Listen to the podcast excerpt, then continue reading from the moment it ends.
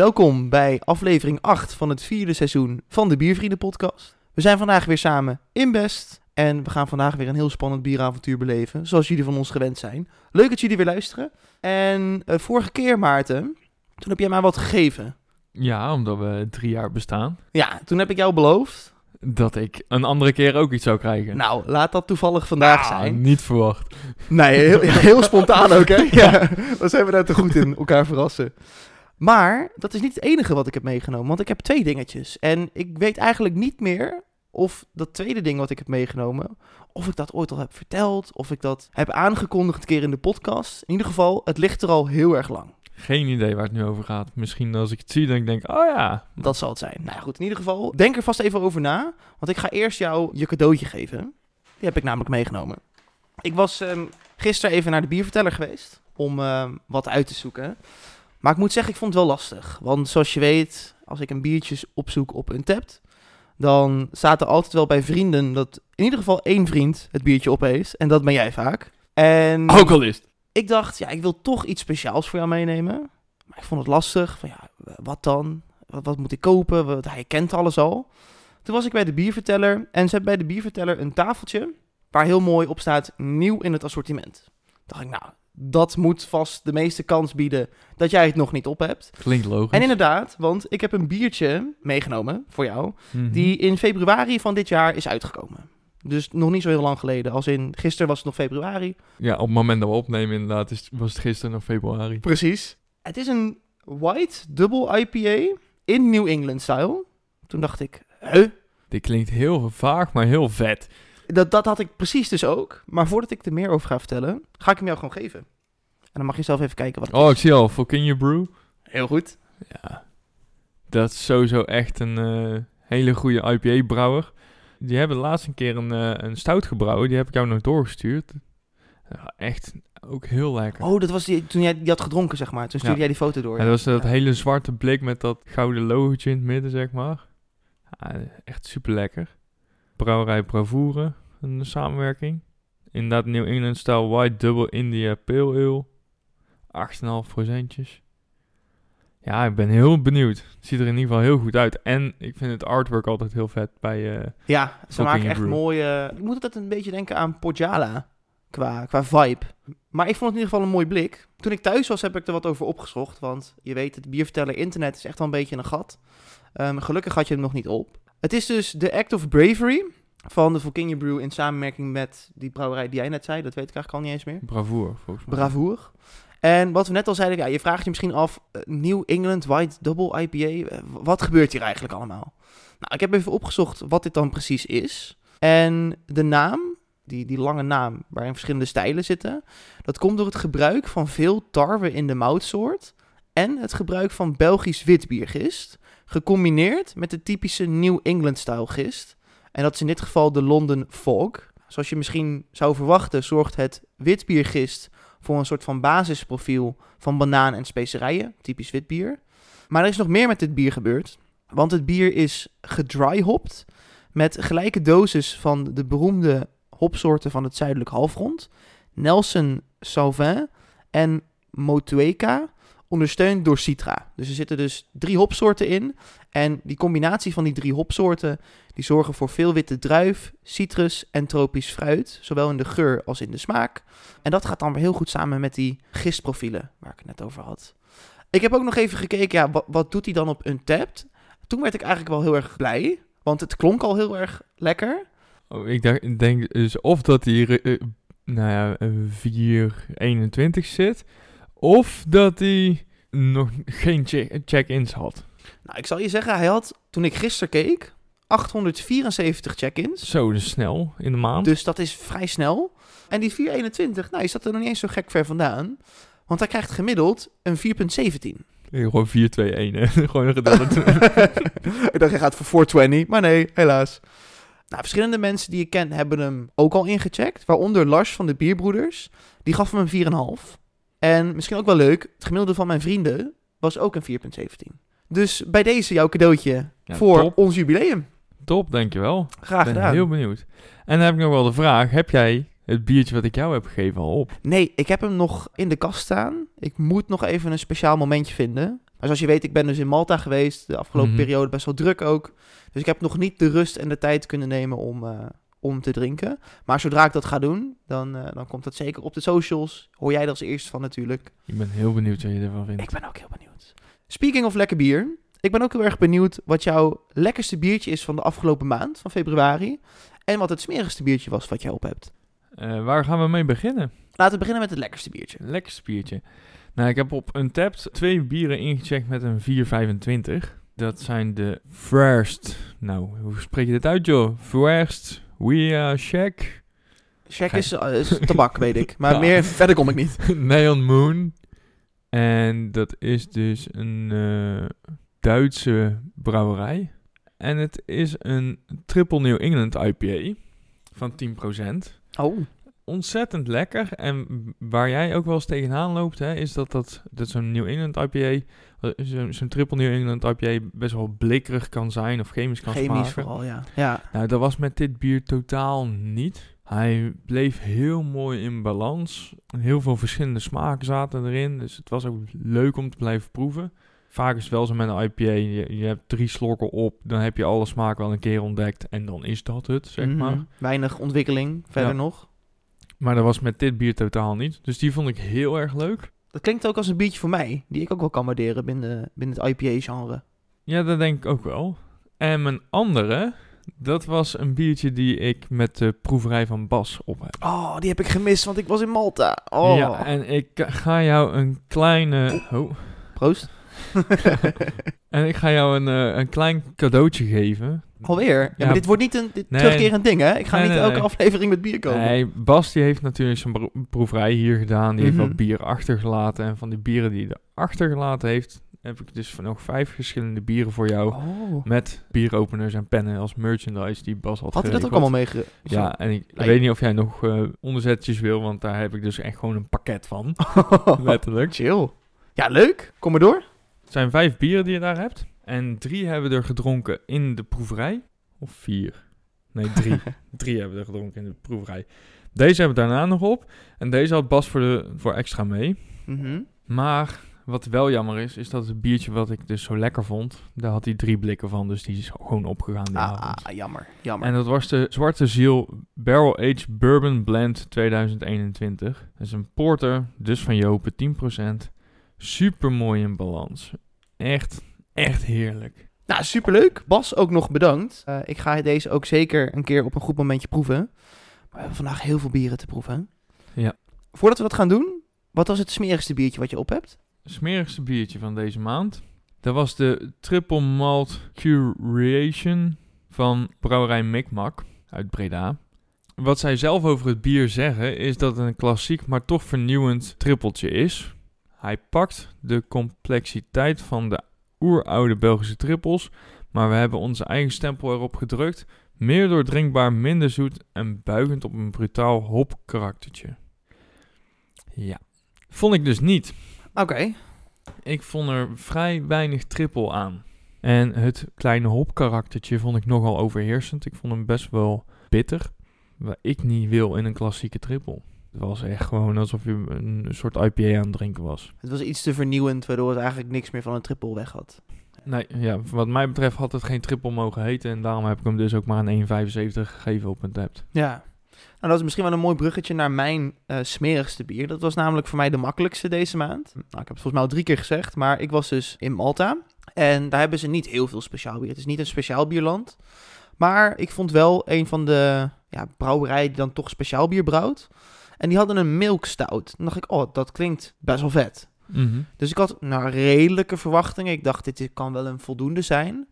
Ehm, het is een 2,50 geworden. En dan heb ik eigenlijk het biertje nog gematst. Ik vond hem erg flauw van smaak. Het had totaal niks weg van een stout. Meer iets van een ja, flauwe... Ja, ik kan het dan net dubbel noemen, maar... Ja, van de mout was ook eigenlijk weinig te proeven.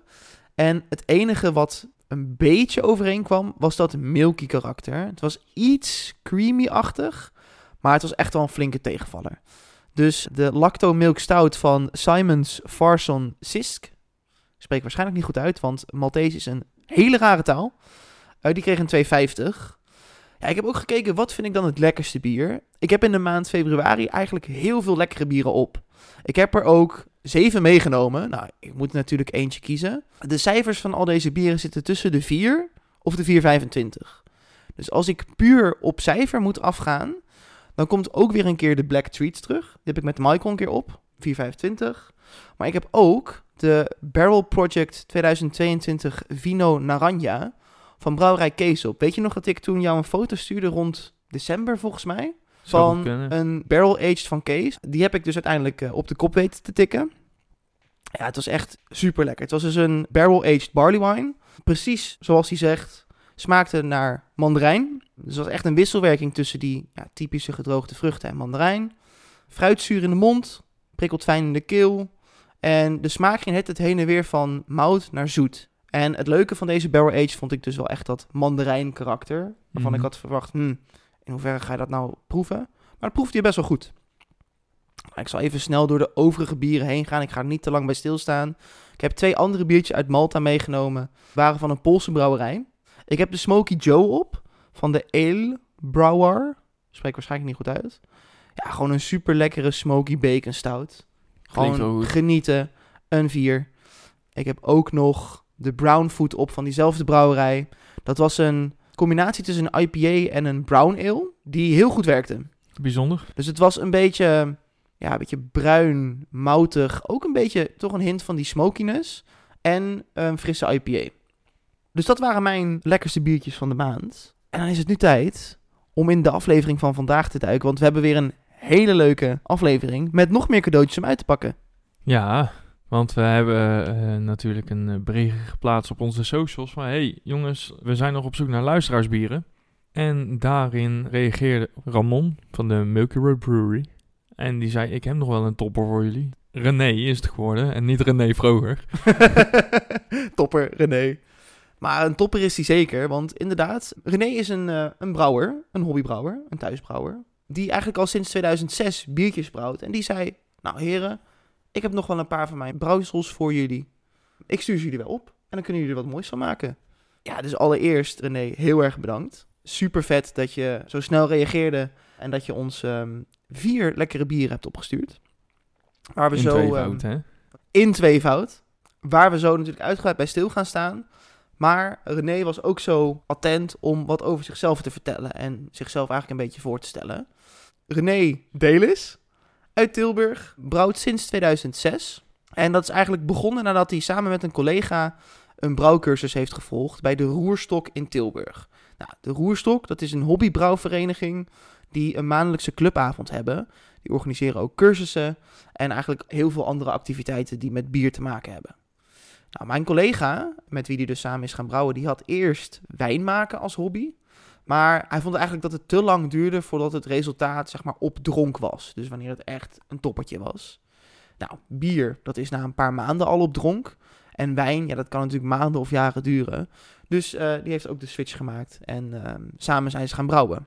Vrouwlief vond het een goed idee om de brouwcursus te volgen.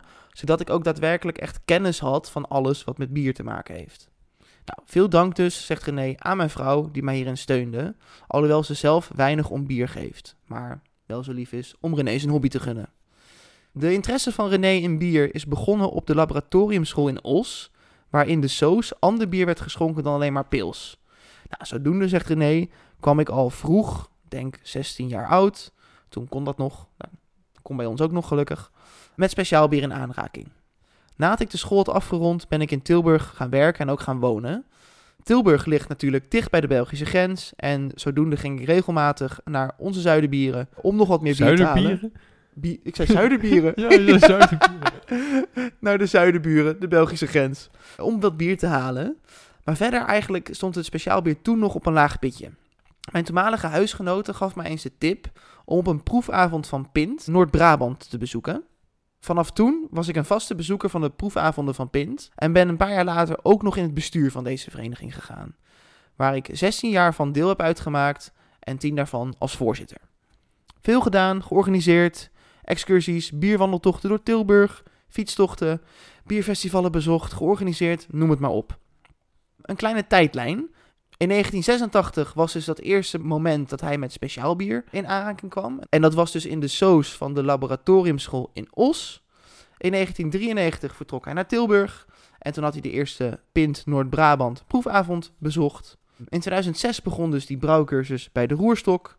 En 2018 was hij begonnen met de cursus Algemene Bierkennis bij Stibon, niveau 1. Hij is ook verder gegaan met niveau 2, toegepaste bierkennis.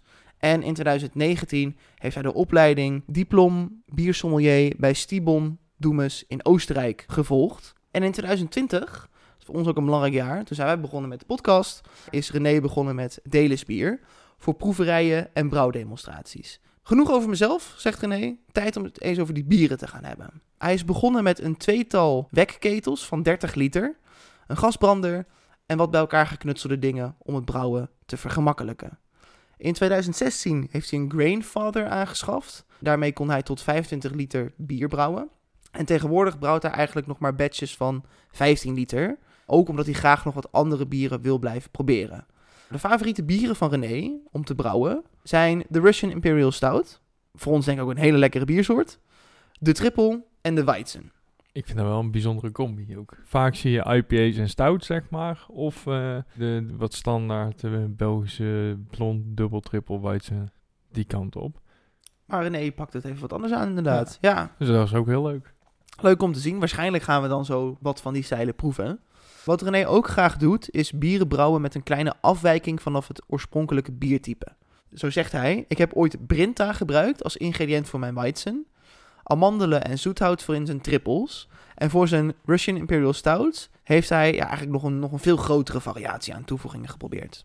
De Russian Imperial Stout, genaamd Bengals, is zijn favoriete biertype om te brouwen. En heeft hij vernoemd naar zijn twee zonen, die beide regelmatig stout zijn en die hij dan liefkozend Bengals noemt. De variaties voor Bengals die hij heeft uitgeprobeerd zijn eigenlijk de volgende.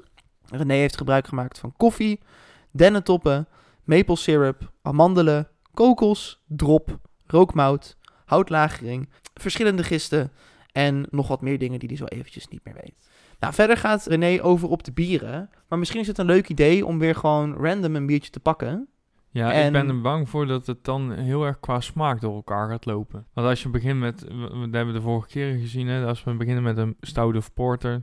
En je gaat dan terug, want we hebben een dubbel, een triple en twee porters, of twee stouts. We hebben sowieso een, eh, een ris natuurlijk. En dit is ook een stout. Dus ik denk dat ik heb hem nu in de volgorde dubbel, triple, stout, stout staan. Ja, en misschien... gewoon met het alcoholpercentage omhoog. Ja, dat lijkt me, dat lijkt me een uh, goed plan. Hey Tom, we beginnen met de het dubbel Delis.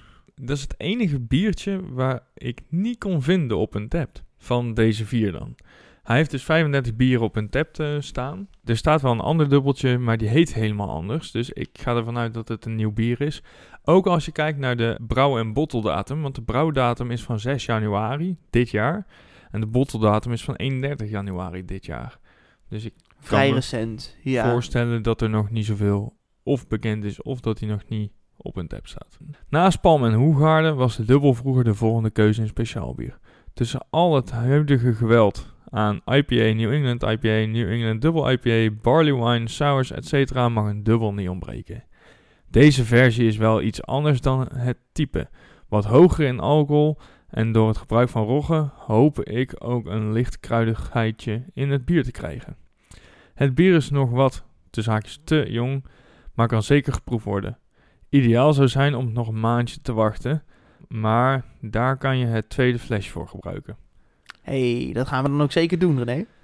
Jazeker. FYI, ik heb dit bier zelf nog niet geproefd. Oh, Ja, ik ben heel benieuwd. nou ja, ook. we hebben dus inderdaad eh, alles in tweevoud gekregen. We gaan denk ik... eh, in eenvoud drinken vandaag. Dus we Ja. verdelen gewoon weer klassiek de biertjes over de twee biervriendenglazen die we hebben. Maar het klinkt als een, eh, een leuke twist op de dubbel. Gewoon net iets meer alcohol, net even Ja. wat anders. Leuk ook dat René hem zelf niet heeft geproefd. Dan ben ik ook wel benieuwd, René, als je luistert. Heb je deze op een andere manier gebrouwen dan voorheen? Of wat is dan het speciale van deze batch? Misschien heb je, heb je er iets leuks mee gedaan of zo? Nou, ik kan de ingrediënten oplezen, want dat heeft heel mooi in, eh, op een lijstje staan op het etiket. Hij heeft wel leuke etiketten, vind ik. Er staat dus op dat het plus minus 9% is. dus Altijd lekker- goed, heerlijk. Lekker vaag. Eh, mout. De Pilste Cara 120. De Munich. Rogge. Biscuit. Choco 800. En speciale Belgen. Er zit kandijstroop en bastardsuiker in. Hallertau, hersbroek, Die ken ik niet. nee. gist, MJ en M41, water. En het is gebrouwen te Tilburg door René Delissen. Nou, lekker. Zo. Mooi kleurtje. Hij is behoorlijk eh, donker voor een dubbel. Mooie schuimkraag ook qua kleur. hey, ik denk dat we gewoon volgens onze vaste structuur te werk gaan. We gaan eerst even kijken. We gaan ruiken. We gaan proeven. We doen onze eerste impressie. We blijven ondertussen even doorproeven. En dan vellen we ons eindoordeel. Als je gaat kijken, ja, ik zou, als ik het zo zie, denken dat het een stout is. Of een porter. Ik zou dit geen dubbel noemen. Nee, qua kleur is hij inderdaad lekker donker. Maar ja, dubbels zijn ook wel donker. Maar dit is nou, bijna zwart. Je moet hem in het licht houden om te zien dat hij bruin is, zeg maar. Ja. Nou, ik vind dat wel wat hebben als ik heel eerlijk ben hoor. Ik hou daar wel van. Ik heb het idee dat hij heel uitgesproken is qua kleur. En dat, dat oogt voor mij meteen al dat ik denk, wauw, Mooie schuimkraag erop, hè? zeker. Hele mooie schuimkraag. Een half vingertje nog, denk ik. Bij jou Ja, iets beetje- meer. Ja, een beetje zwenken. En, Die eh, van jou ziet er iets grover uit ook dan die van mij. Ja, ik heb al een beetje te zwenken. Die Oh, bij jou staat hij natuurlijk al... eh, blijft een beetje aan het glas plakken. Ja, heel mooi. Echt een beetje alsof je zo'n golf hebt. En dan dat dat schuim langzaam zo wegtrekt, weet je wel? Ja, mooi. Eh ruik het dan We maar. gaan even ruiken, want ik rook hem echt al van een afstandje. En ik rook heel veel hele bijzondere dingen. Ja. Hè? Oeh. Wat ik heel raar vind... Op een afstand denk je, wat een geuren. Er komen echt heel veel rare dingen je tegemoet. Je steekt je neus erin. Het eerste wat ik toch wel ervaar is dat het niet vervelend is of zo. Had je niet- verwacht dat het vervelend zou zijn dan? Nou ja, ik had verwacht dat het misschien een kant op zou schieten, meerdere kanten op zou schieten qua geuren. En eigenlijk is die heel erg mooi qua geur. Je zou bijna denken zoals gerstewijn. Ik kreeg ook die associatie. Ik, niet per se met de, het fruitige. Maar eh, van een afstandje rook ik heel erg, ja, toch heel veel zoet. Echt een beetje misschien wel chocola of, of, of nou ja, een zoet koekje of weet ik het wat. Maar als ik mijn neus er echt in stop, dan komt voor mij wat meer de, een, soort, een soort wisselwerking tussen bitter, misschien een beetje koffieachtige vibe, met wat zoet. En ik kan het nog niet heel goed plaatsen als ik eerlijk ben. Maar het ruikt heel erg lekker. Ik heb ook het idee dat hij elke keer weer verandert. Ja, De ene keer denk ik inderdaad ja, absoluut. een beetje, beetje koffie of chocola. En de andere keer denk ik, nou, er komen toch weer wel fruitsoorten. En dan weer eh, toch wel weer iets van richting toffee of karamel of zo bijna. Het is bizar. Toffee is inderdaad een, een, een geurassociatie die ik misschien best wel sterk ruik. En toch ook wel als je echt goed je neus erin doet, dan ruik je inderdaad ook misschien wel dat er best wel wat meer alcohol in zit dan in een standaard dubbel. Die lichte alcoholassociatie krijg ik ook een beetje. Maar die wordt eigenlijk heel fijn gemaskeerd door al die zoete slash bittere geuren die we net opnoemden. Zou dat dan niet gewoon de, de kandijsuiker of de kandijstroop of de bastardsuiker zijn? Met een beetje het roggen. Ja, dat zou ook wel kunnen. hey, eh, laten we dan ons favoriete ding gaan doen. ja. Laten we gaan eh, klinken En, drinken.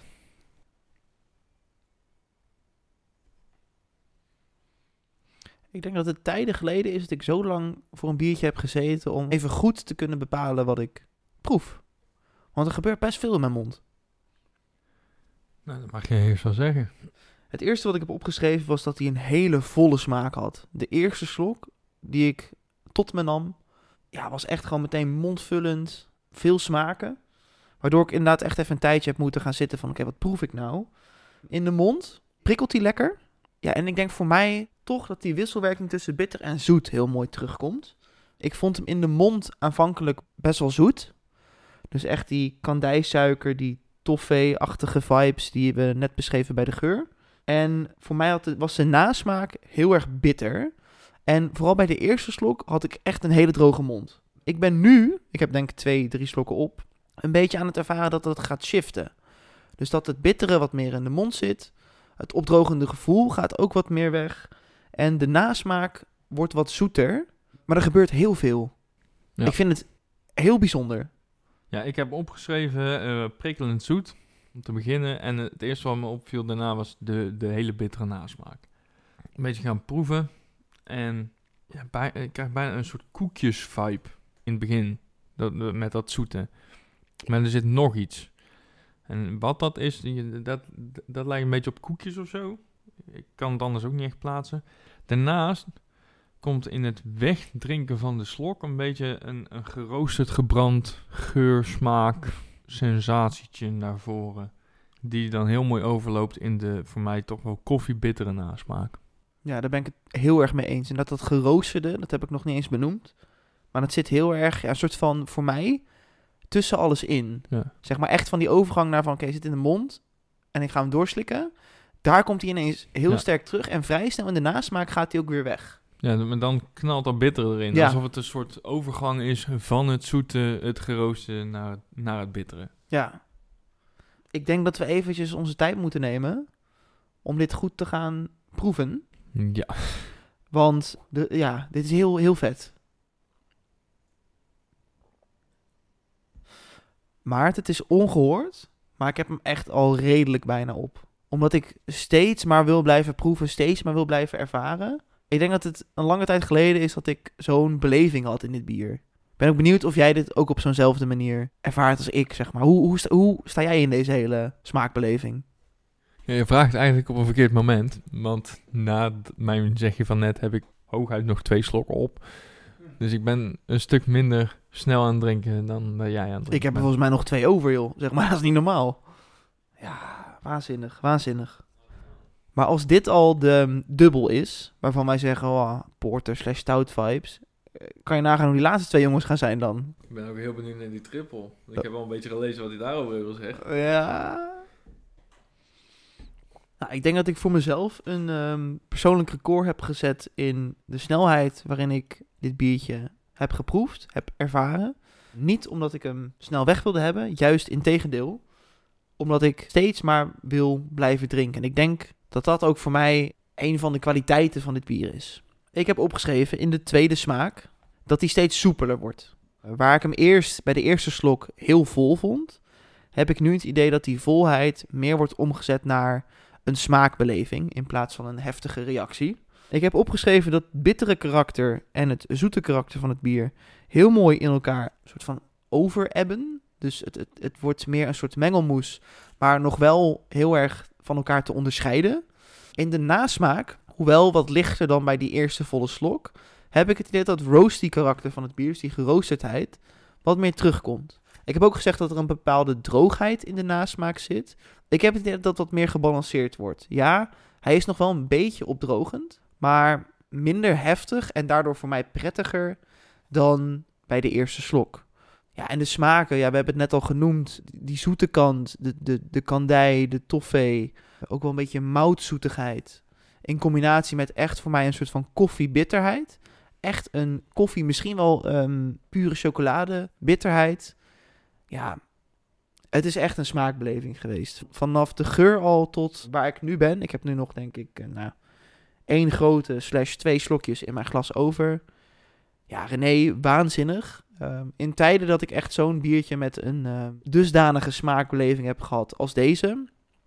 Ik ga hem ook best wel hoog geven. We hebben net over de mic al een discussie gehad van ja, is dit een dubbel of vinden wij dit meer een porter? Toen zei ik tegen Maarten, ja, ik denk, René heeft dit, die is een brouwer, die brouwt dit als een dubbel. Maar hij heeft er zoveel meer extra van kunnen maken, binnen de kaders van dubbel, dat ik hem daar echt heel veel credits voor ga geven. Ik denk dat dit een van de fijnste dubbels is die ik nou, in tijden op heb. Moet wel erbij zeggen dat dubbel niet mijn favoriete stijl is. Maar desondanks zet ik gewoon in op een uh, 8,6. Ik ga gewoon Zo, eens even gek doen. Maar ik ben heel benieuwd hoe jij er tegenaan kijkt, Maarten. Wat we over het bier hebben gezegd, hè, dat hij een hele mooie donkerbruine kleur heeft. Dat hij mooi plakt aan de rand. Dat er veel geuren vrijkomen. Dat hij prikkelend in de mond is, zoet is. De koekjes vibes naar voren komen. En de, het geroosterde, gebrande. Daar loopt het in over om vervolgens naar een uh, koffiebittere nasmaak te gaan. Ik vind de wisselwerking tussen de, die drie elementen steeds mooier worden. Waarbij ik wel het idee heb dat zowel het geroosterde als het bittere afzwakken. Waarin ik in eerste instantie dacht, en toen jij zei van ja, wat vind jij er nu van dat ik die twee slokken op had, zeg maar. Toen had ik ineens heel erg het gevoel dat hij een stuk wateriger werd. Maar dat kan ook komen omdat die smaak dus ineens heel erg afnam voor mij. Het loopt wel mooier in elkaar over. Ehm, nu heb ik ook een beetje de geroosterde smaken in de mond, zeg maar, zitten. Wat bitter. Ook in de nasmaak komt alles weer wat meer op zijn plek. Ik vind het voor een dubbeltje dus echt een, een heel mooi dubbeltje. Heel bijzonder gebrouwen. Ik ga wel lager zitten dan Tom. Maar ik heb zelf een 7-8 opgeschreven. Ja, uh, terecht verdiend. Ik kan me ook vinden inderdaad, Maarten, wat je zegt. Dat het wat afzwakt, dat bitter en dat geroosterde. Als dit de voorbode is voor wat we nog gaan drinken... dan ga ik een hele leuke ochtend slash middag hebben. Ja, bijna middag. Bijna middag. Het is, oh, het is 12 uur op mijn laptopje. Dan loopt mijn klok 1 minuut achter. Ja. Oh. Nou, het is uh, inmiddels uh, 12 uur. We hebben hem allebei op. We nemen een slok water en dan gaan we noor... Noor? Noor, naar de volgende donder. En dan gaan we door met het volgende biertje.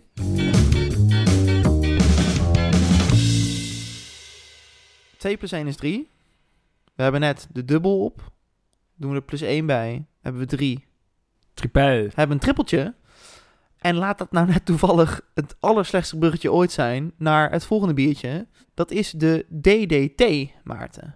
De DDT staat voor Dundelis Triple. En René zegt daar zelf het volgende over. Delis is mijn bijnaam die ik heb sinds de lagere school. Het is de afkorting van mijn achternaam, Delisse. Dit verklaart ook meteen waarom ik voor Delis bier als naam heb gekozen. DDT vond ik een leuke naamspeling. De inspiratie voor dit bier heb ik van de Don't Try This at Home series van Jopen en Lervik. Lekker. Dit betreft een rye wine en zelf heeft René gaan gekozen voor een triple met heel veel rogge. Een kleine disclaimer, want René zegt: Helaas was er iets misgegaan met de bestelling van rogge. Een vriend zou dit voor mij meenemen, maar had per ongeluk geroosterde rogge uitgekozen. Waardoor het bier een stuk donkerder is uitgevallen dan dat de bedoeling was. Maar, zegt René, het bier zelf is uiteindelijk goed gelukt en smaakt. Maar dat mogen jullie zelf invullen. Op Untapped heeft hij 13 check-ins en krijgt een gemiddelde van een 3,49. Dus een 7. Ik heb er zin in. Nou, ik Tik lust, hem open.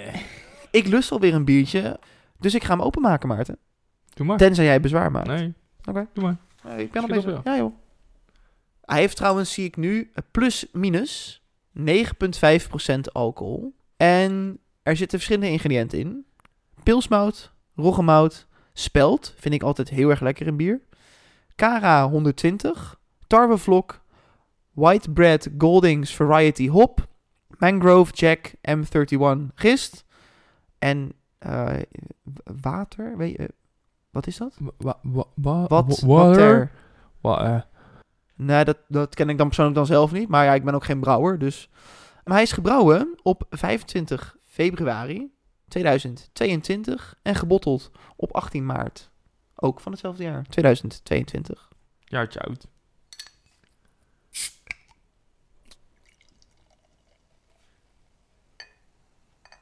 Nou, hij staat voor ons neus. Bruin. En wat betreft de kleur, Bruin. kan ik inderdaad Bruin. beamen. Wat zei je? Bruin. Bruin? Hij is... Eh, bruin. welke kleur is die? bruin. Ik vind hem zelf een beetje... Bruin. Oké, we gaan het nu stoppen. hij is wat... eh, bruin. Stop nou. Hij is wat donkerder dan eh, je doorsnee triple. Schuimde heel erg in het begin. Ik heb misschien niet heel goed ingeschonken, want ik heb iets minder schuim dan jij. Jij hebt nog wel echt een mooi vingertje, denk ik. Mooie, ferme belletjes. Ja, absoluut. Ik zit even te kijken of ik bezinksel kan zien. Wel Volgens- koolzuur vanaf de bodem. Ja, eh, maar allebei wel heel weinig. Geen bezinksel trouwens. Ja, wel, wel wat, wat koolzuur, maar niet heel veel bij mij. Nou, ik ben benieuwd hoe deze gaat ruiken, want ik rook al wat. Wel minder dan bij de dubbel. Laten we onze neus in het glas gaan stoppen. Terwijl we wat ruiken. Nou Maarten, wat ruik je in dit bier? Het eerste wat ik op heb geschreven, en dat kan een beetje bevooroordeeld zijn door de kleur. Rozenbottel met een vraagteken. En daarna granen tarwe. En toen pakte ik het flesje erbij en toen zag ik tarwevlok op de ingrediëntenlijst staan. Toen dacht ik, nou, dat zou nog wel eens kunnen. Zou kunnen. Dat is een beetje wat ik er tot nu toe uithaal. Ik moet zeggen, ik heb dezelfde ervaring. Het begon met een vrij zure insteek voor mij. Ik heb geschreven zuur fruit. Toen heb ik een pijltje gemaakt naar rood gedroogd fruit. Ik krijg een beetje die vibe. Het is een hele typische geur. Ik weet niet precies zo goed hoe ik dit moet omschrijven, maar het is wel echt een geur die ik wat vaker herken in misschien inderdaad wat meer een... Ik wil toch bijna richting barley wine gaan. Echt een zwakke barley wine. Maar er zit echt zo'n typische, ja, voor mij zo'n zure fruitgeur in. Tarwe vind ik altijd lastig om te ruiken. Kan ik me wat bij voorstellen, maar ik heb het denk ik wel veel minder sterk dan dat jij dat hebt. Dat kan. hey, maar mijn schuimkraag is inmiddels bijna weg. Die van jou is nu op het niveau zoals Waar die van mij begon. was toen ik begon, inderdaad. Ik stel voor dat we lekker gaan klinken. En drinken.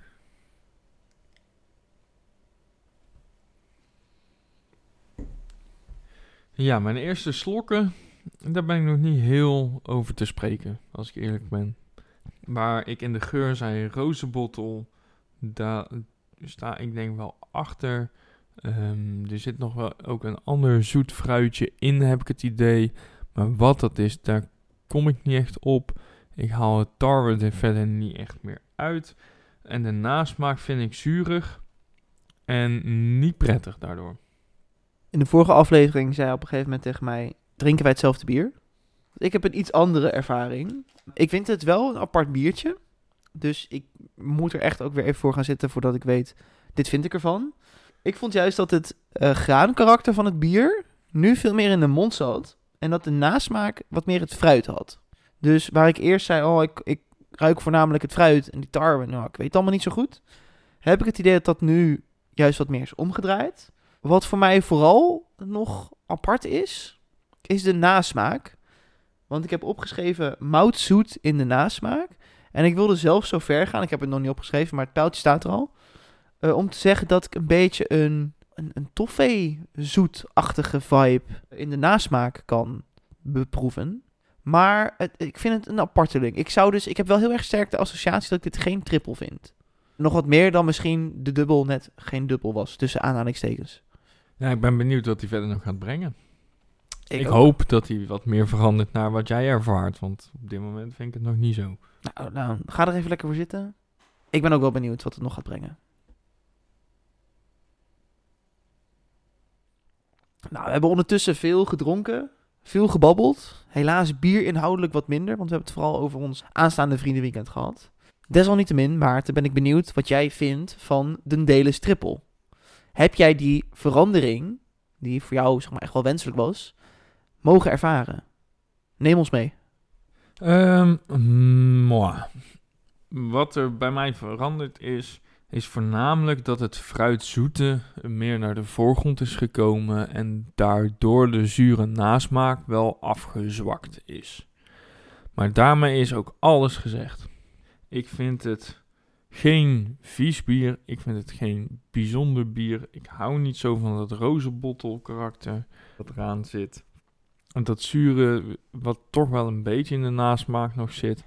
Ja, dat hoeft van mij gewoon niet echt in een trippeltje. Ik heb dan toch wel wat liever de, ja, de wat klassiekere karakters. Dat die of wat kruidig is, of juist een, beetje dat bananen, tarwe zoet, zeg maar. Wel een leuk experiment, moet ik zeggen. Eh, ook bijzonder qua kleur. Dus niet vies, 6,4. Ja, ik kan me daar eigenlijk grotendeels bij aansluiten. Ik heb denk ik ongeveer hetzelfde opgeschreven wat jij net hebt gezegd.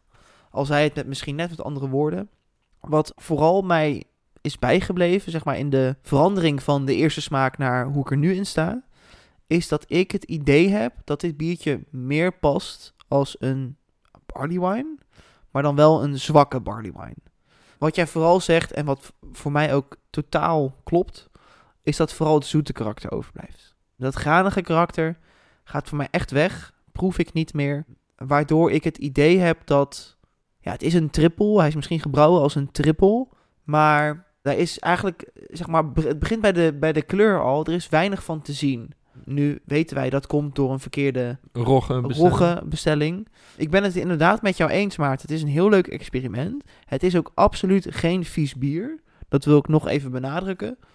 Qua cijfer heb ik opgeschreven een 6,9. Ik zat eerst op de 7, want zeg maar, als ik een biertje wel gewoon lekker vind, maar het matcht niet helemaal, maar ik vind het wel prettig, krijg je een 7. Ik ben toch voor de tiende punt lager gegaan, omdat ik zeker zeg maar tot aan smaak 1 echt wel een nog wat hogere verwachting had van de evolutie. Maar nog steeds gewoon heel lekker bier. 6,9. Helemaal goed. Echt, Laten we... heel mijn stem is weg. Ja, ja, je bent helemaal eh, even eruit. Bah. Ehm, laten we even, wat water drinken, glaas omspoelen, een stem hopelijk weer een beetje terugvinden. En dan kunnen we door naar de Bengals. We gaan nou over naar de Bengals. Die heeft 10 check-ins op hun taps en een gemiddelde score van 3,72. Het is dus een RIS, eh, Russian Imperial Stout. Gebrouwen met een kleine toevoeging van rookmout. Bedoeling om subtiel aanwezig te zijn als smaakaanvulling en niet overheersend. Normaal staat er op het etiket een foto van mijn bengels, maar dat wilde zij niet meer. Dus zodoende maar een tekening. Ja, zoals we in zijn brief hebben kunnen lezen, heeft hij verschillende bengels proberen te maken met verschillende variaties. Ik zal ze nog een keertje opnoemen. Wij hebben dus die met rook, nou, hij heeft dus met koffie, dennentoppen, maple syrup, amandelen, kokos, trop, rookmout, die hebben wij, houtlagering, verschillende gisten en Nog van nog alles. De vorige aflevering heb jij natuurlijk gehad over De Laatste Man. Daar zou ook een eh, stout of porter zijn met eh, een beetje rook eraan toegevoegd. Toen zeiden wij allebei, oh, dat zou eigenlijk wel heel erg interessant zijn. Ja, wie vraagt, die krijgt af en toe wat. Dat blijkt. We moeten vaker vragen. Dat is echt de conclusie van vandaag. Want tot nu toe, ja, fantastisch. Ik wil ook nog even zeggen dat ik het heel leuk vind dat René dit eh, met ons wil delen. Zeg maar dat er nog een persoonlijk kantje aan zit met eh, zijn bengels. Ja, dus nogmaals, super bedankt voor het delen. Ja, Russian Imperial Stout, moet ik wel zeggen dat ik heel slecht ben. Zeg maar, ik weet wat een stout is. Maar wat maakt een stout een Russian Imperial Stout? Daar ben ik eigenlijk zelf nog niet helemaal achter. Nee, ik ook niet. Ik heb wel altijd het idee dat ik de ris het makkelijkst weg vind drinken. Dus dat hij het meest soepel is qua stout varianten. Hm. Omdat je anders een normale stout of zo is vaak heel erg koffiebitter en dan blijft dat heel erg hangen. Pastry stout is heel erg zoet. Punt, zeg Ja. maar. Punt min kiezen, zeg maar. Want kiezen weg vanwege de zoetheid. En een eh, risje, ja, daar gaat er eigenlijk altijd wel in. Oké, laten we dus inderdaad ook vooral opletten op wat René zei van die rooktoevoeging. Dat zou een extra dimensie moeten toevoegen, maar het zou niet de smaak moeten overheersen. Dus laten we kijken of we dat op diezelfde manier ervaren zoals René het heeft bedoeld. Hey Tom, ik heb een behoorlijk, eh, nou ja, echt heel donkerbruin bier voor me staan. Wat een mooie schuimkraag trouwens. Daar ben ik eventjes door eh, gebiologeerd. Want, Ik vind hem nou, de meest compacte schuimkraag die we vandaag hebben gezien. Over fijne belletjes gesproken. Fijne belletjes. Plakt ook gewoon echt prima aan het glas. Niks op aan te merken. Half vingertje nu bij allebei.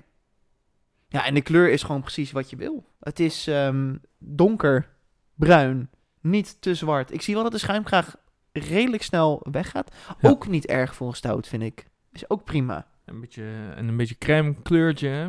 Ja. Er begint nu bij mij een, eh, een, een eilandje te ontstaan op het midden van mijn glas. Qua schuim. Ik heb, ik heb een soort yin en yang, maar dan in schuim. Dit is gewoon een heel oosters zen biertje voor jou. Tom heeft jeuk uit zijn neus, dus laten we maar gaan ruiken. Ja, klopt.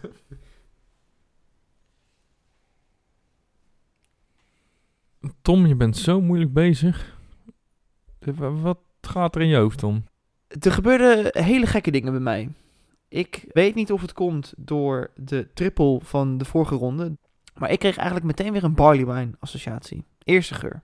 En dat zit hem in het hele zoet wat erin zit, denk Ja. ik. Ook wel weer een beetje, ik, ik associeer het misschien iets te snel nu met gedroogd fruit. Maar er zit inderdaad iets zoets in.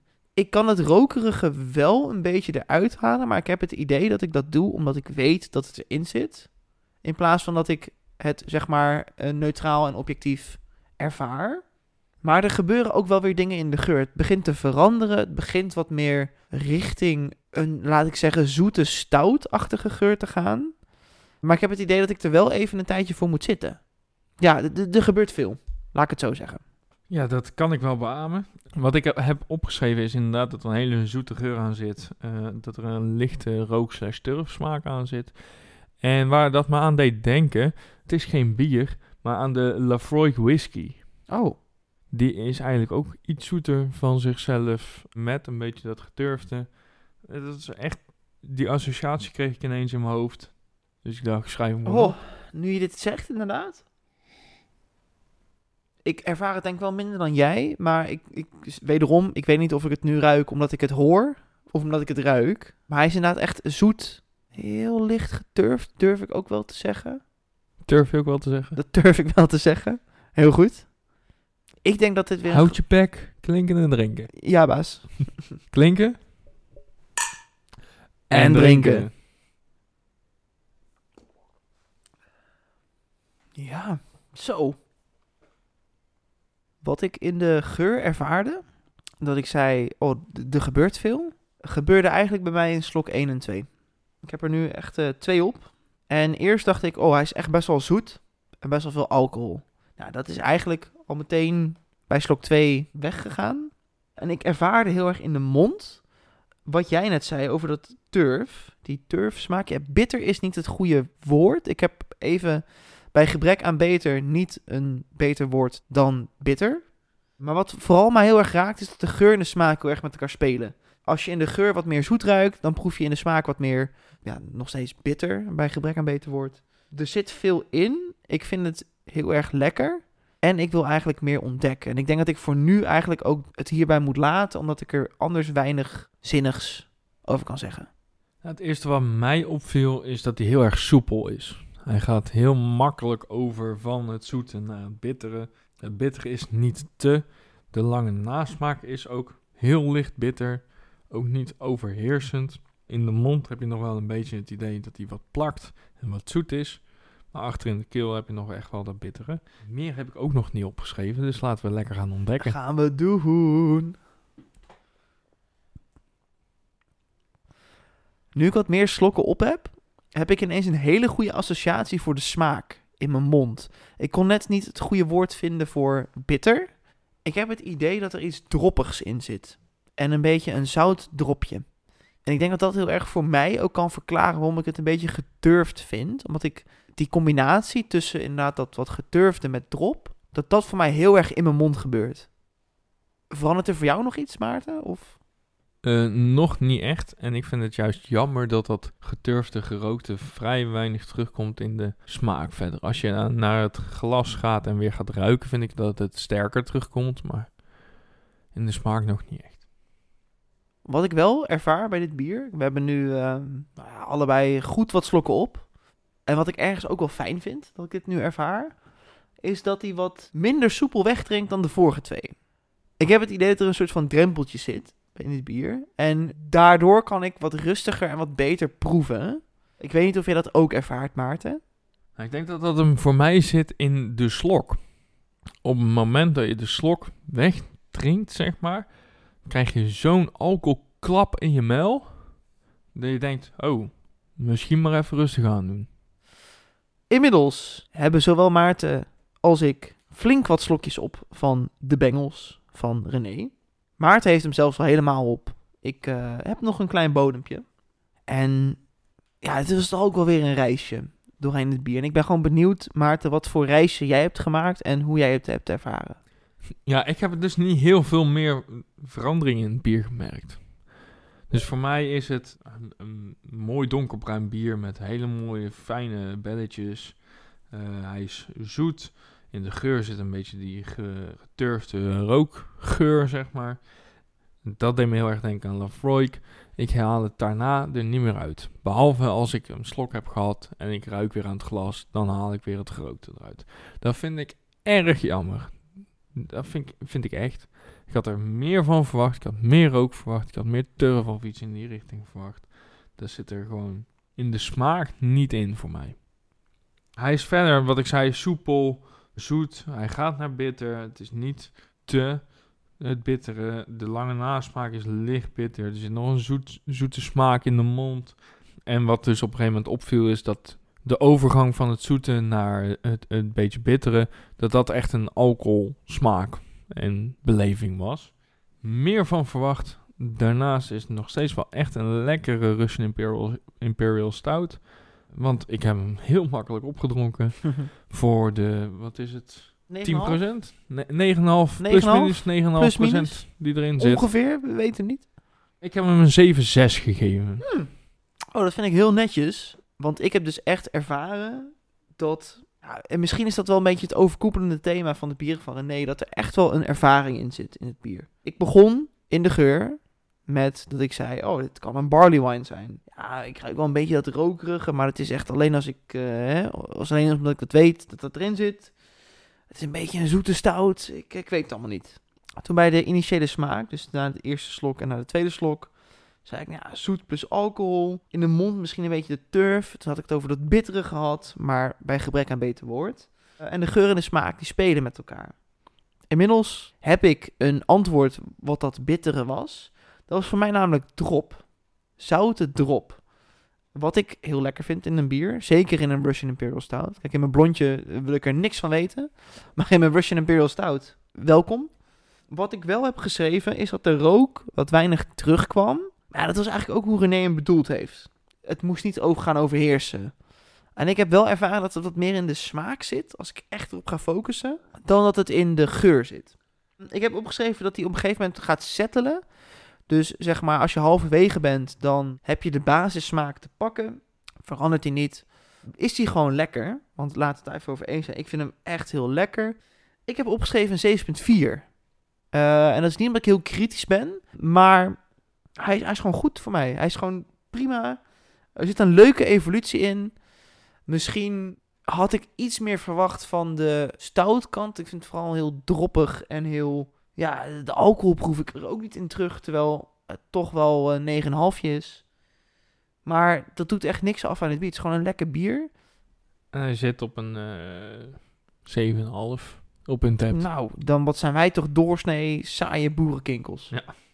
Nou, wat ik wel heel grappig vind, is dat jouw beoordeling lijkt positiever dan die van mij. En jij geeft Nou, een lager cijfer. Dat was precies, da- daarom zei ik nog, wow, wat ga jij hoog? Want ik, ik, heb, ik had eerst 7,7 en toen dacht ik, ja, toch 7,4'tje. En Wat ik ook wel bijzonder vind, is dat wij hele andere dingen beleven. Want dat, dat drop, dat beleef ik echt niet. Anders zou ik hem echt lager geven. Want jij weet...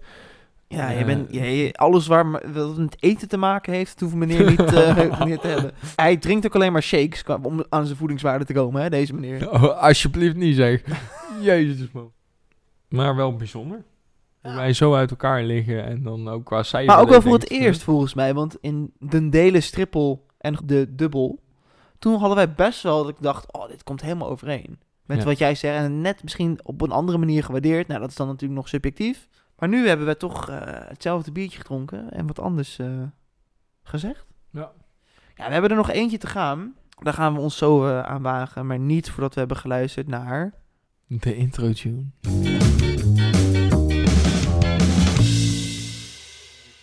Ik krijg nog een cadeautje van jou of zo. Of jij hebt nog een verrassing voor mij. Oh, fuck! Ja. Die ben ik vergeten te- weer vergeten te geven. Die had ik gewoon na dat biertje willen geven. Oh, dit is echt erg. Nou, Maarten, het is echt schandalig dat deze aflevering weer is gelopen zoals het is gelopen. Ja, dat ik jou moet herinneren aan een cadeautje. Ja, dat... ik denk dus dat er een vloek op zit. Want wat ik al in de intro zei, ik heb dus al heel lang iets. En volgens mij heb ik het ook al een keer gezegd. Dat ik dit een keer mee zou nemen voor tijdens een aflevering van de podcast. En hetgeen wat ik jou zo ga geven, dat heb ik denk ik zeker al sinds september, oktober liggen. Maar ik heb een hele tijd geleden iets van mijn vader gekregen. Waarvan ik dacht, dat is echt leuk om een keer in een podcast te doen. Bij bijvoorbeeld een kerstspecial. Hè, waarin we gewoon lekker even wat biertjes drinken. Maakt niet uit, gewoon even lekker gezellig. En volgens mij, ik weet dus niet of ik jou dit wel eens heb verteld. Misschien een keer buiten de podcast om, ik weet het niet meer. Maar het feit dat ik het nu weer vergeet, dat zegt eigenlijk wel alles. Ik ga het je gewoon geven, dan is het maar gebeurd. En is het aan jou de taak om het een keer tijdens een aflevering gewoon erbij te gaan halen. Want het zou zonde zijn als we het nu nog erbij gaan halen. Maar daar komt hij. Ik vergeet niet zo snel. Dat is meer het, Ja, het ik ding dus- wat je zegt. Ik ben het dus al bijna een half jaar vergeten. Ja. Dus eh, daar komt hij. hey, een Casicano. Een Gerardus bierkaas. Oh, nice. Ja. Is wel over datum al. Is al over datum? Nou ja, dat boeit toch niet? Nou ja, eh, dat is, het is kaas, dus dat is goed. Ik heb hem altijd in de koelkast bewaard, tot zeg maar vandaag.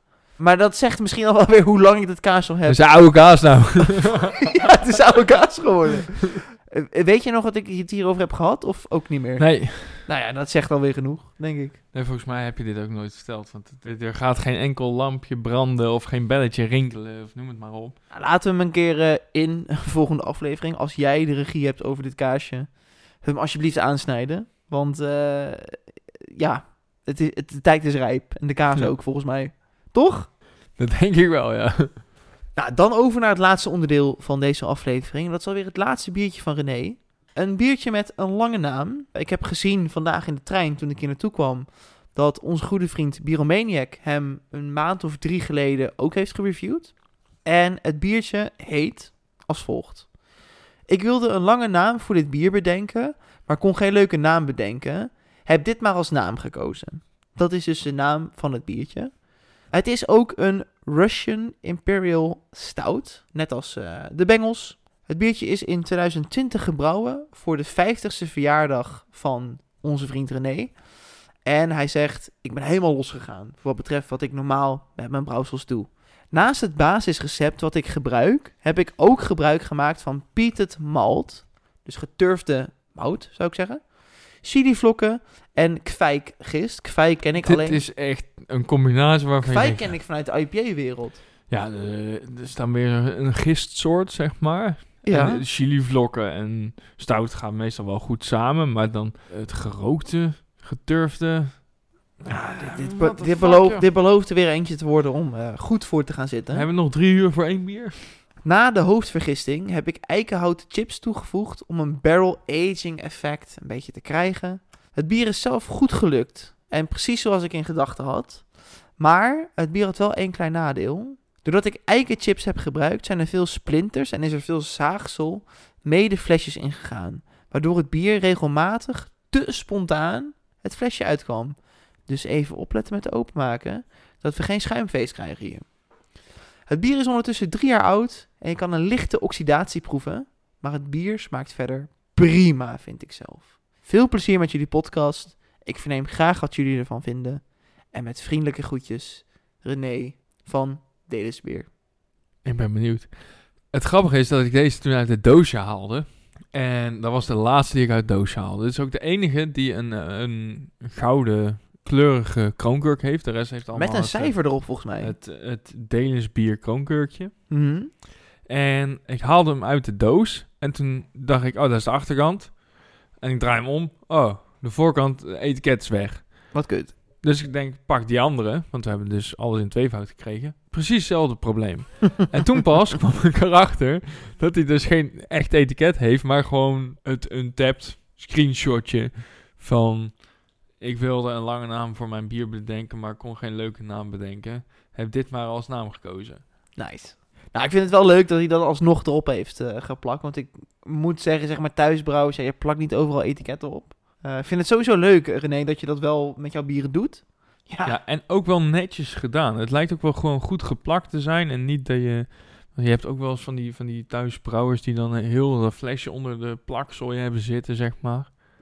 Het is allemaal wel netjes gedaan. Dus complimenten. Complimenten sowieso. Dit is een, eh, een screenshot in ieder geval van, het, eh, van de ik wilde een lange naam. Ik ga hem gewoon even lange naam noemen. Voor het, Van voor, de lange naam. voor het gemak. Dit is een screenshot van de lange naam toen hij net op een tab stond. Nul check-ins, nul ratings, nul vrienden. Brouwerij Dedesbier. Het is een stout Imperial Double. Zo eh, heeft René hem op een tab gezet.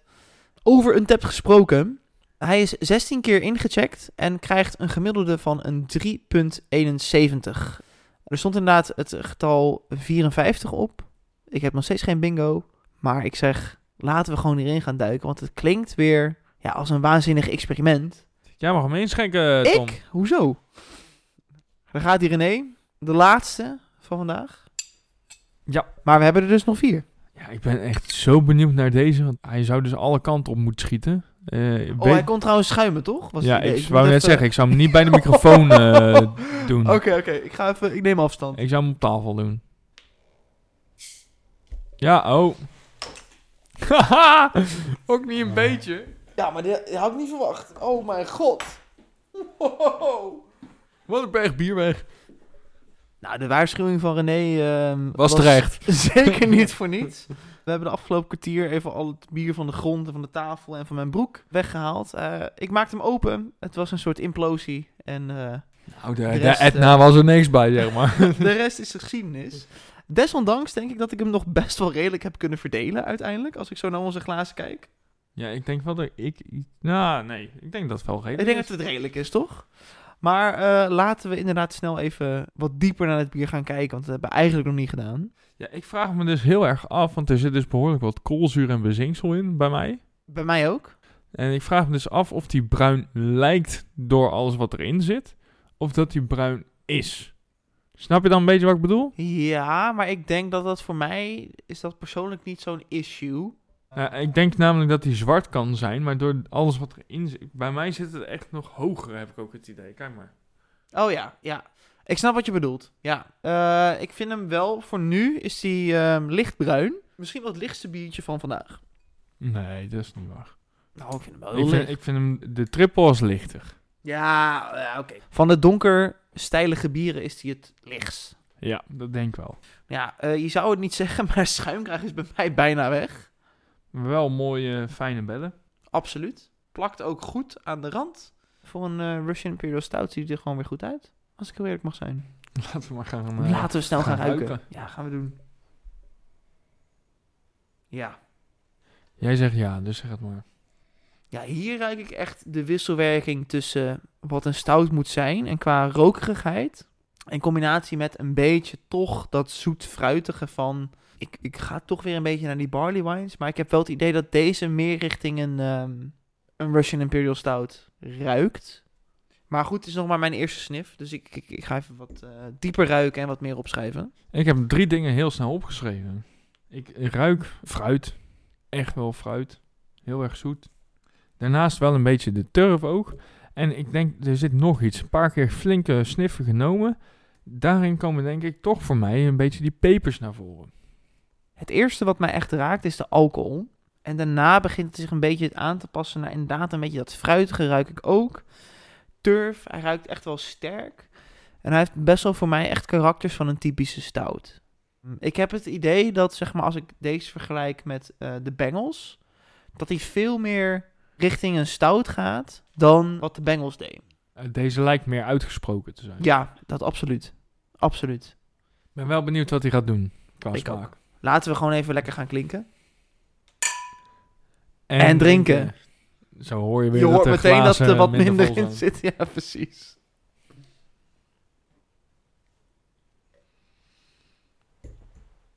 Nou, ik heb nu een paar slokken op. En wat mij, eh, ja, waar ik wel blij van word, is eigenlijk een beetje, er zit een soort zoete smaak aan.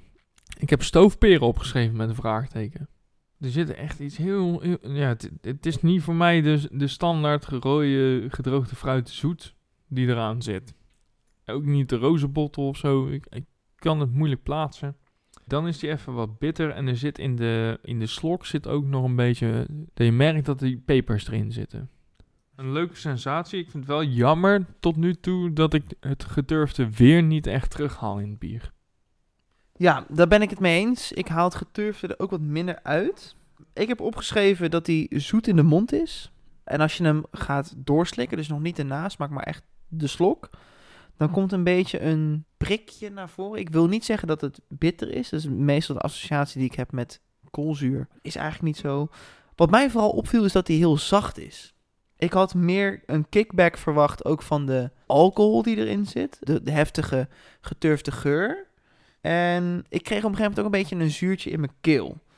Die chilivlokken, die proef ik ook niet heel erg. Maar ik wil dus ook niet zeggen dat ze er niet in zitten. Ik heb het idee dat ik echt nog eventjes wat meer moet gaan drinken van dit biertje. Ook al hebben we niet zo heel veel. Om er wat meer zinnigs over te zeggen. Laten we het dan maar gaan doen dan. Laten we dat gaan doen. Tot nu toe moet ik wel zeggen, vind ik hem weer echt heel lekker. En vind ik het een betere Russian Imperial Stout dan de voorganger. Nou Maarten, de laatste slokken. We zijn bijna alweer aan het einde van deze aflevering. Aan het einde van de bieren van René. Ik mag het spits afbijten over de, ik noem hem even, lange naam. Om de superleuke lange naam niet helemaal voluit te hoeven zeggen. Ik moet beginnen met te zeggen dat ik deze veel meer een Russian Imperial Stout vind dan zijn voorganger. De beleving die ik heb doorgemaakt van de eerste smaak naar de tweede smaak, is dat ik eigenlijk heb ervaren dat hij steeds zoeter wordt. Begin toch een beetje meer van het stout karakter van het bier te verliezen. Uh, ik had veel meer van de alcohol verwacht, heb ik al bij slok 1 gezegd. Nou ja, dat wordt eigenlijk alleen maar minder. En ook de chilivlokken, het, het beetje het pitje wat erin zit, dat zwakt een beetje af. Daarbij moet ik wel weer zeggen dat er een bepaalde balans in het bier komt. Wat ik ook al bij de voorgaande biertjes heb gezegd. Op een gegeven moment dan bereikt het biertje gewoon zijn balanspunt. Dat vind ik op zich ook wel iets positiefs. Dat er gewoon een... Er zit een ontwikkeling in. Ik heb in elk biertje van vandaag een ontwikkeling meegemaakt. Op een gegeven moment is dit het gewoon. Ik vind het wel lastig om het biertje te beoordelen. Omdat voor mij het verschil tussen de aanvankelijke presentatie en de slok... misschien in dit biertje wel het, het, het meest contrasterend zijn. Ik heb opgeschreven een 7,3. En nu ik dit zeg, begin ik daar wel meer over te twijfelen. Omdat ik het echt wel gewoon een lekker biertje vind. En ik denk dat ik hem hoger ga geven. Omdat het Russian Imperial Stout karakter wel zich misschien iets meer heeft gepresenteerd dan bijvoorbeeld bij de Bengals. Maar ja, toch ergens strookt het een beetje met mijn verwachting.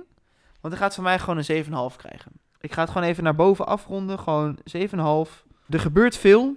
Je proeft ook echt dat er mee is geëxperimenteerd in het bier. 7,5. Ja, ik uh, ben het niet heel met jou eens. Dat mag. Uh, wat ik zei, hè, het, is, uh, het is een donkerbruin, of ja, een van de lichtere, wel qua bruin, maar nog steeds donkerbruin bier. Uh, met fijne bellen die aan de rand plakt. In de geur komen de, de turf, fruit en de pepers naar voren het zoete stoofperen, wat ik in het begin had, daar is er niet meer. Het is wel echt zoet fruit, rood fruit. Het bittere karakter zit er nog wel een beetje en de pepers ook nog wel een beetje. Maar ik heb het idee dat er steeds meer de smaak van de houtsnippers en de, de nepvatgerijptheid zeg maar naar voren komt. En daardoor is hij met zijn hele rode fruitsmaken en dat houten vat gerijpt vind ik het veel meer op een barley wine lijken. Ik vind hem dus minder op een stout lijken dan de Bengals. Want daarin kwam heel erg het bittere nog naar voren, waarin ik echt wel het idee had van oké, ondanks dat hij zoet is, drink nog een stout. En hoe meer ik deze drink, hoe minder stout ik ervaar. Ik vind hem wel lekker. Qua smaak, sensatie vind ik het dus niet per se een stout. Ik vind hem wel leuk met die pepers van de kwijk. Ja, dat, dat, vind ik altijd een hele bijzondere smaak hebben die ik niet echt kan plaatsen, zeg maar. Maar dat is voor mij gewoon kwijk. Daar merk ik vrij weinig van. Dat vind ik ook wel weer jammer, want ik dacht dat is echt een leuke gistsoort voor de IPA's. Misschien ook voor, voor de stout. Val dus tegen. Ook weer dat die turf weer alleen in de geur zit. Ik vind hem dus minder dan de Bengals daardoor. Nog steeds wel heel erg lekker. Al heb ik echt de laatste slok moeten laten staan of eigenlijk teruggespuugd, omdat daar alleen maar bezinksel in zat. Ja, er zitten flink wat uh, snoepjes in. Ik heb hem een 7-4 gegeven, wat dus echt maar 0,2 lager is dan de Bengals. Maar ik vond wel dat hij lager verdiende dan de Bengals, maar ik vind ze uiteindelijk qua smaken wel allebei heel Misschien is het net waar je voor wil gaan, dan met die twee bieren. Ja. Nee, nou, daar kan ik me helemaal in vinden. Ja, en dan zijn we alweer aan het uh, einde gekomen van het bieravontuur. Ja, René, super bedankt. Laten we daar even mee beginnen. Hallo. Sowieso super vet dat je zo snel reageerde en een super leuk pakketje met hele bijzondere bieren hebt willen opsturen. Dus dank daarvoor. En wat ik net ook al volgens mij een beetje off the record heb gezegd. Wat ik zo vet vind aan deze bieren is dat ze echt wel... Zeg maar, je merkt dat het, het van die thuisbrouwsels zijn. Maar goede thuisbrouwsels ik denk dat een menig commercieel brouwer zich niet zo zou durven wagen aan de experimenten die jij in je bieren doet, René. Ja, het, is, het, het leuke vind ik, is dat er over nagedacht is en het een experiment is, zeg maar. Dus de, de, de combinatie maakt het een, een heel leuk, of ja, het, dat maakt het een hele leuke reis en een hele, dat maken het bijzondere bieren, zeg maar. Ja, nou ben ik het helemaal mee eens. René, dankjewel voor de lekkere bieren. Ik denk dat ik collectief kan zeggen dat wij echt genoten hebben van de verschillende bieren. En dat ja, ze waren gewoon eigenlijk allemaal gewoon super lekker. Dat sowieso. Mocht jij nou ook een biertje hebben waarvan je denkt, nou, leuk dat ze over die biertje van René praten. René is super goede brouwer, maar ik ken ook nog wel een aantal thuisbrouwers. Of ik ben zelf een thuisbrouwer. En eh, nou ja, dit biertje van mij of van mijn kennis, die moeten ze proeven. Ja, laat het ons weten. Ja, en anders eh, als je gewoon een lekker biertje bent tegengekomen of juist een vies biertje. Misschien een keer wat lichter biertje, want ik heb onze lijst bekeken. Het is, zijn ze allemaal zware Eh, kosten. eh, ja. het, het gaat bijna niet onder de 9,5%. Dus heb je een leuke een Weizen of een leuk blond bier of een leuke IPA voor richting de zomermaanden, laat het alsjeblieft weten.